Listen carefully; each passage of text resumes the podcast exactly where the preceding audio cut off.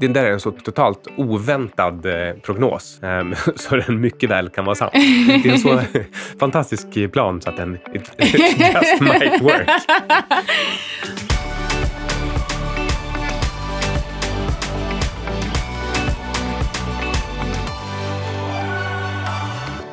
Hej, du lyssnar på Outsiders med Syding och Svan. Hur mår Anna?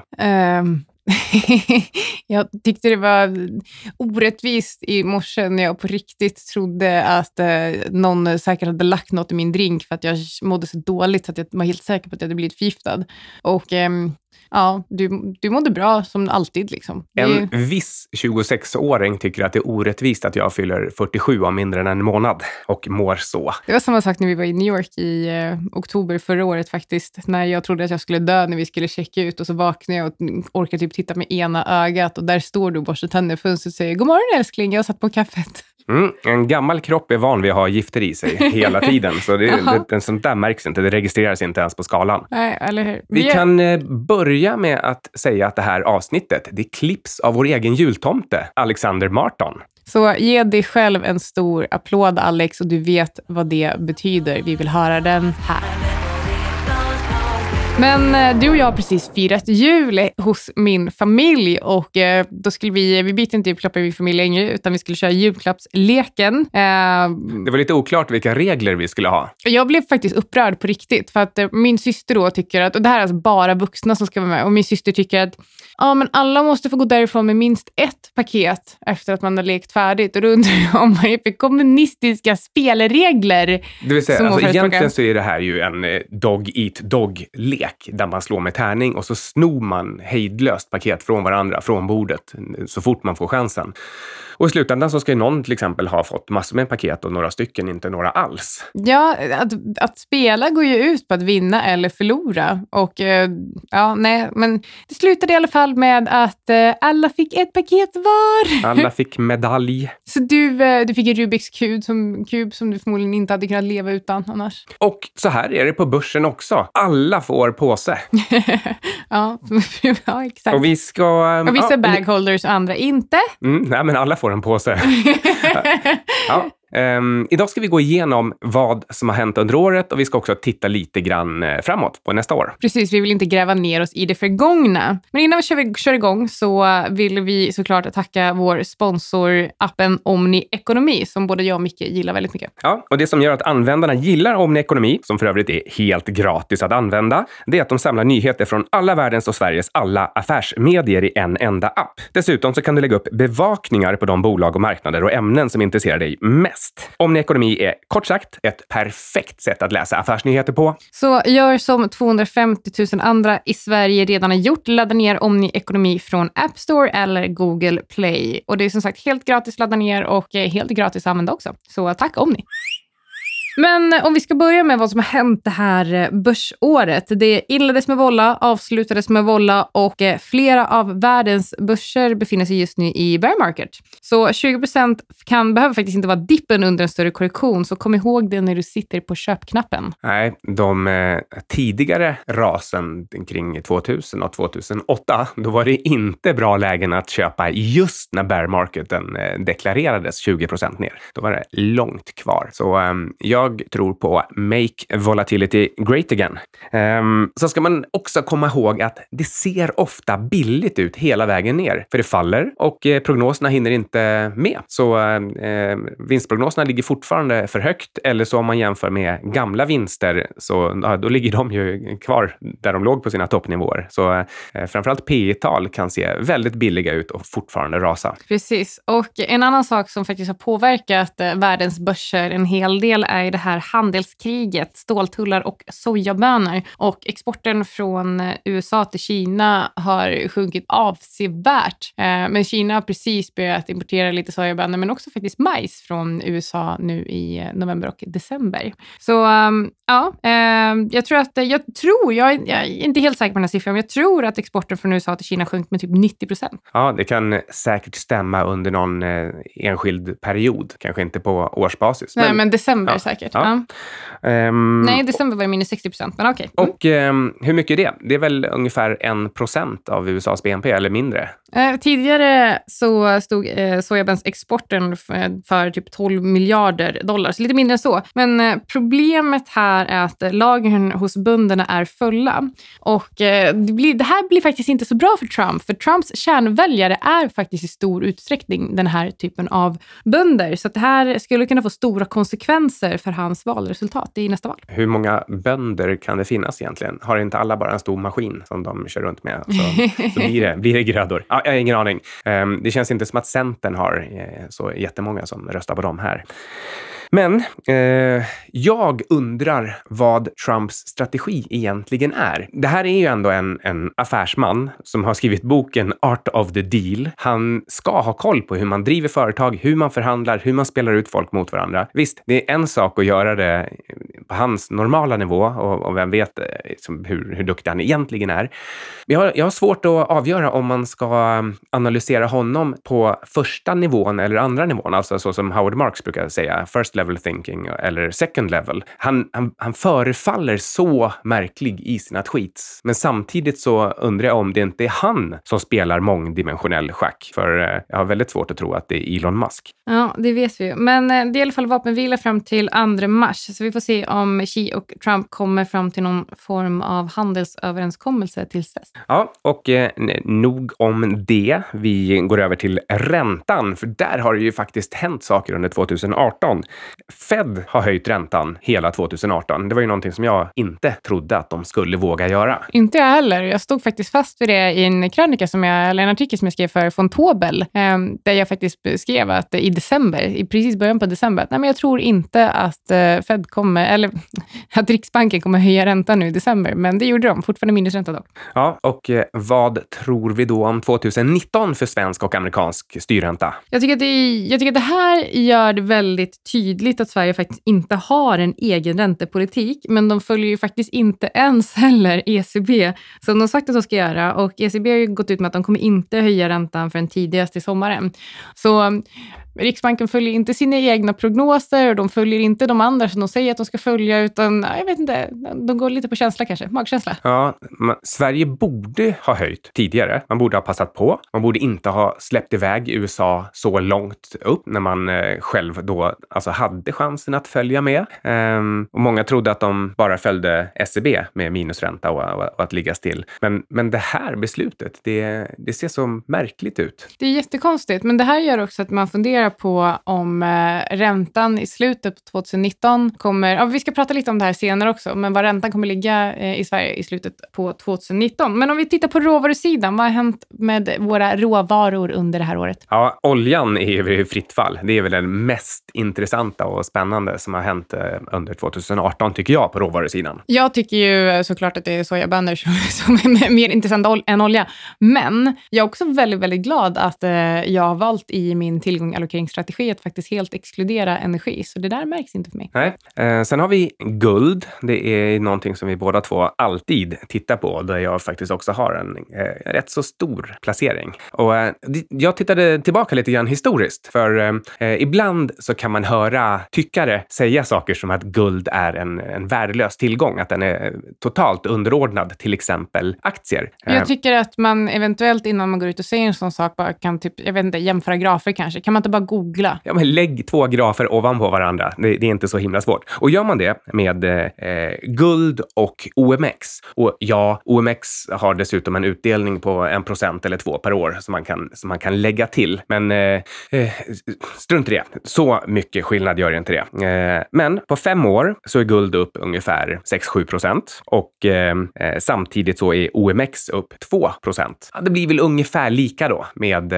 med utdelningarna. Men på tio års sikt då? Ja, då är guld upp 50 procent. Det är inte så illa. Det är inte liksom så att du har slängt bort pengarna på att ligga i en helt säker tillgång. Men, men däremot så OMX är upp dubbelt så mycket. Det är upp 100 procent. Och sen om vi lägger till utdelningarna så blir det säkert 40-50 procent till eller någonting sånt. Så Precis, det, det, men det här är alltså under den perioden då börsen gått som bäst i princip någonsin. Vi har sett en historisk bullmarknad och då säger folk att det här säger något om att guld alltid skulle vara sämre, vilket jag tycker är jättekonstigt, för det stämmer ju inte. Det är ju faktuellt fel. Om man ska behöva vänta ut att eh, det finansiella systemet kollapsar och börsen ser ut som att den i princip ska avskaffas innan man köper för att då kunna slå någonting så passivt som guld över en tioårsperiod eh, och det trycks 20 trillion dollars. Ehm, om, om det är det som krävs för att man ska slå guld på tio år, ja, eh, då, då är det ju någonting snett som du säger.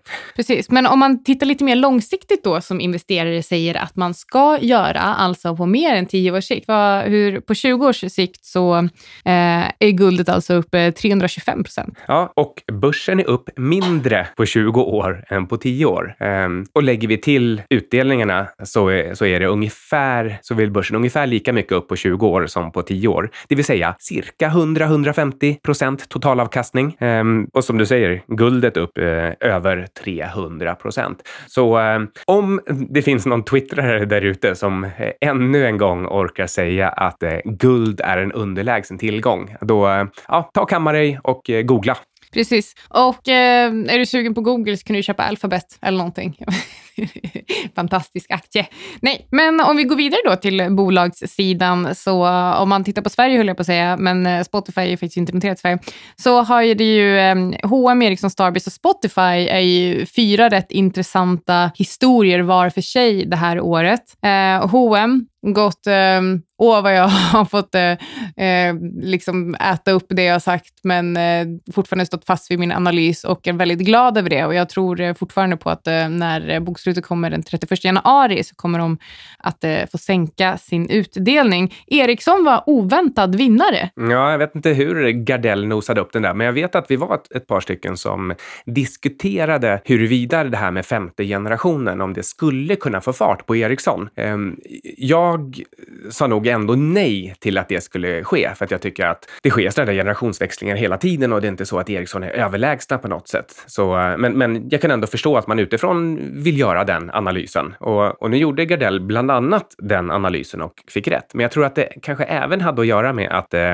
eh han anade kanske det här handelskriget, att det var någonting sånt under uppsegling. Och då kan Ericsson framstå som en neutral part. Men sen, vem, vem vet vad Gardell egentligen tänkte på? Men jag tror att det kan vara en förklaring till varför Ericsson gick så bra. Absolut. Och eh, Starbreeze-härvan är väl ingen som har missat. Och vad många är det som har, eh, har trott att de har köpt botten och den har gått längre och längre och längre ner. Och jag tycker att det, ja, men det är synd. Liksom. Men, eh, men så är det. Och eh, tvångsförsäljningar som eh, leder till ja, problem för tidigare vd och så vidare. Men nu, ja. Nu kunde man ju inte veta att det skulle föregås massa fuffens i bolaget. Och man kan inte veta om alla de där dataspelen skulle gå bra eller dåligt. Men däremot så kan man veta att om man investerar i en enda aktie, alltså om man har en, en stor del av sitt kapital i en enda aktie, då kommer man antagligen förr eller senare åka på en rejäl smäll. Det är liksom inte så man gör när man investerar. Det är som att spela på roulette. Precis. Och eh,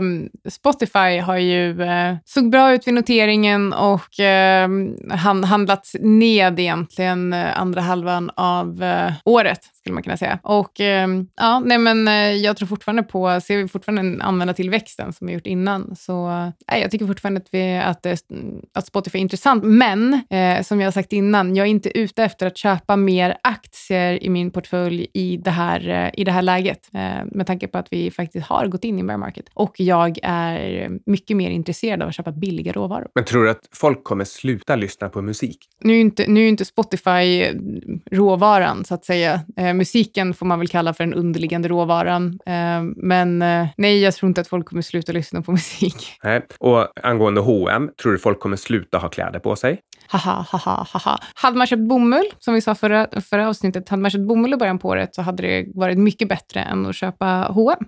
En sista fråga då. Ja. Starbreeze. Tror du folk kommer sluta spela dataspel? Eventuellt kommer folk sluta spela Starbreeze-spel. Det är väl lite det som har varit problemet. Ah, är det så man kan tänka? Det är alltså inte så att ett bolag som håller på med någonting som inte kommer att sluta finnas till, Mark, marknad och bolag är inte samma sak. Ah, Mm, det är svårt. Det är svårt. Men eh, innan vi går vidare till del två, alltså vad vi tror om nästa år mest oväntade scenarier, så ska ni få ett litet nyhetssvep från Omni Ekonomi. SAS VD Rickard Gustafsson säger att vi måste hitta ett sätt att ställa om till hållbart resande. Han tror alltså inte att minskat resande löser klimatkrisen, men SAS har istället ett mål om att minska koldioxidutsläpp med 25 procent till år 2030 genom att byta ut planen mot mer bränslesnåla. Så eh, SAS VD tror alltså att ny teknologi är lösningen på de, de här klimatproblemen som vi ser idag. Och biljättarnas fabriker i Kina går på tomgång. Kinas bilmarknad har bromsat in och satsningar på fabriker i landet har visat sig feltajmade för några av världens största biltillverkare och det rapporterar Wall Street Journal. Cannabis blev som bekant en ny småspararfavorit 2018 och Kanada blev då det andra landet att helt legalisera marijuana efter Uruguay.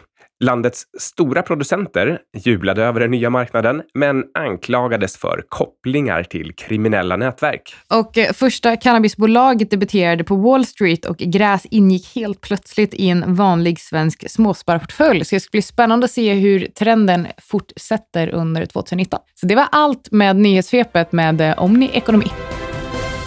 Vi går vidare till del två av det här och tittar framåt. Vad kan hända? Och då tycker jag att man kan titta på vad som är mest oväntat. Vad är det mest oväntade du kan tänka dig kommer, kommer hända? Och sen eh, börja därifrån med att se om, eh, om det kan uteslutas eller om det faktiskt kan vara så att man, man är en, en riktig högoddsare på, eh, på spåren. Eller låg kanske. Så eh, stigande räntor i en recession kanske. Guld upp när aktier faller. Cykliskt upp vid lågkonjunktur. Starkare dollar men svagare verkstad. Bygglov, byggstarter, bilförsäljning och eh, lånetillväxt. Men vi ska välja ut två av de här, tänker vi. Ja. Där vi kan snacka lite generellt, generella sätt att tänka. Mm, precis. Så eh, börja med att formulera vad du tror absolut inte kommer hända. Så en av de här till exempel. Eh, och du kan väl, eh, du kan börja, Anna? ja, nej men räntor upp i en recession. Men är det inte... låter ju helt sjukt. Ja, men det är faktiskt lite det vi redan ser. Men det här påminner ju också om när de tidigare, alltså de, de ligger, de släpar några år efter våra kära centralbanker. Och eh, trots att Fed pratat om att de kanske ska höja räntan något långsammare nästa år. Eh, och sen så är jag också lite nyfiken på om Tr eh, Trumps utspel om att han vill sparka Powell kommer göra att Powell inte vill ge vika för sin räntepolitik. Mm, det där blir ett, eh, det blir ett spel. Det där går tillbaka till det här jag sa om Trump. Hur ska man analysera Trump? Precis. Är det bara att han vill eh, ja, skicka över bollen till Powell? Han vet ju att han inte kan sparka honom. Exakt, men eh, och sen och då liksom rullar ju bollen över om man, om man ska titta på Sverige då istället. Kommer Ingves och Riksbanken fortsätta höja räntan eller sänka framgent? Jag tror att styrräntan i slutet på 2019 kommer vara antingen som nu eller lägre om vi ser eh, om vi ser fortsatt eh, nedgång på börsen. Eh. Det där är en så totalt oväntad prognos, ehm, så den mycket väl kan vara sann. Det är en så fantastisk plan så att den it just might work. Ja, nej men, nej, nej men så, det tror jag i alla fall. Så räntan är minus 0,25 procent och, och vi har nyss påbörjat en räntehöjningscykel. Ja. Ehm, och, och då är scenariot att den ändå ska sluta lägre i slutet av året. Ja, nej men antingen, antingen som den står nu eller lägre jag, tror inte jag tror inte vi kommer se några, super, några superstopp liksom, eller några superhopp i intervall. Jag tror liksom inte, inte att det kommer skilja flera procent eller ens, eller ens en procent, men uh, ungefär som nu eller något lägre. Jag tror att de, eh, precis som, som du uh, indikerar, jag tror att de kommer vilja sänka den. Och men att de kan, inte riktigt kan? Ja, kan, uh. kanske göra det. Mm. Men, men jag tror att, att faktiskt sänka den, det skulle vara att erkänna, erkänna att man är totalt maktlösa och har tänkt helt fel. Absolut. Och det, men, kan, det kan verkligen skapa oordning. Men jag har svårt att tro att vi eh, ligger över, över 0 i, i slutet på 2019. Ja, alltså om, om vi ser fortsatt vara, läge som nu. Då får de vara riktigt snabba med att, med att höja innan eh, ekonomin rullar över. Ja, absolut. Men, eh, men du då? Vad, eh, har ja, du något ja, scenario som du inte tror på? Ja, ja ehm, kan cykliska bolag gå upp under en lågkonjunktur? Om vi börjar med att anta att det är en lågkonjunktur som, som får fart nu på grund av att eh, ja, det är svårt att få fler i arbete och det är eh, svårt att få upp konsumtionen mer. Svårt att Massa få saker helt enkelt. Ja, ja. Så eh, säg att det blir lågkonjunktur. Kan då cykliska aktier som till exempel Atlas Copco gå upp i, eh, i den miljön? Um, Ehm, och ehm, då kan man väl säga att cykliskt har ju varit en av de riktigt stora förlorarna redan under 2018 i Sverige. Um, och då enligt den här Dogs of Dow-strategin eh, så kan det vara ett bra tillfälle att köpa dem för att de, eh, de rekylerar upp, de studsar upp. Och eh, ja, det brukar som sagt vara en, vara en, eh, en bra strategi och, och, kanske, kanske ser man vissa tendenser till det redan nu under mellandagarna. Att eh, bara för att december är den, den värsta någonsin så, eh, eh, så kastar man sig in och reflexmässigt köper för att det är så osannolikt att det värsta någonsin ska, ska ha hänt när månaden är över. Men eh, jag, jag, tror inte på det här, på den här idén. Den är, liksom, det, det, är rätt svårt att själv tänka ut någonting riktigt, riktigt osannolikt och sen tro på det. Ja. Eh, men jag tror att det är för tidigt i nedgångsfasen. De, de har inte blivit billiga och vinsterna har inte ens börjat falla. Så ehm, eh, nej, jag, jag, jag försökte, men jag får ta tillbaka den. At least you tried. Ja. Okej, okay, så um, hur sammanfattar du det här då? Ja, men alltså så här, det, det är som sagt för tidigt det, i nedgångsfasen. Det är för galet. Ja, det... Och särskilt USA har ju liksom för höga vinstmarginaler och eh, vinstprognoserna ligger alldeles för högt fortfarande eh, med dessutom höga värderingar. Och oavsett hur det ser ut i, i Sverige, så när USA faller, så faller Sverige. Det är bara att lägga två grafer ovanpå varandra så, så ser man så. Så strunta i om du tycker att Sverige ser billigt ut på något sätt. Eh, fundera på hur det ser ut i USA, vad du tror eh, de indexen ska. Så dystra utsikter för 2019, eh, men positiva för våra portföljstrategier i och för sig. Ja, guld och råvaror eh, fortsätter att se intressant ut. Absolut. Och eh, innan vi ska locka in er på vad vi ska snacka om nästa vecka så vill vi tacka vår andra sponsor Fontobel. Och eh, de har ju alltså ETP som du kan handla mer kortsiktigt med, eller hur Micke? Ja, och eh, det passar ju ganska bra i ett sånt här läge. Om man tror att det kan bli en, en fast moving market med eh, eh plötsliga och ganska intensiva eh, rekyler, då, eh, eh då är det ett, ett sätt att ta position om man tror att en förlorare eh, ska bli en kortsiktig vinnare. Precis, men tänk på att eh, den här typen av eh, instrument är förknippade med risk och att alla investeringar kan gå både upp och ner och det finns risk för att du förlorar stora delar eller hela ditt kapital. Ja, och i nästa avsnitt, då ska vi prata lite grann om portföljstrategi i stort. Är det, är det dags kanske att du byter strategi? Ehm, eller om du eh, verkligen benhårt håller fast vid, vid, den strategi du redan har och tänker att den ska du ändå ha resten av livet, så kanske det ändå finns anledning att att eh, rensa i portföljen på ett sätt som är förenligt med just eh, din strategi. Precis, så uh, slå på Spotify eller din podcast-app eller vad du nu lyssnar via och så hörs vi nästa vecka igen. Då har du lyssnat på Outsiders. Får jag återgå till att vara superbakis nu? Ja.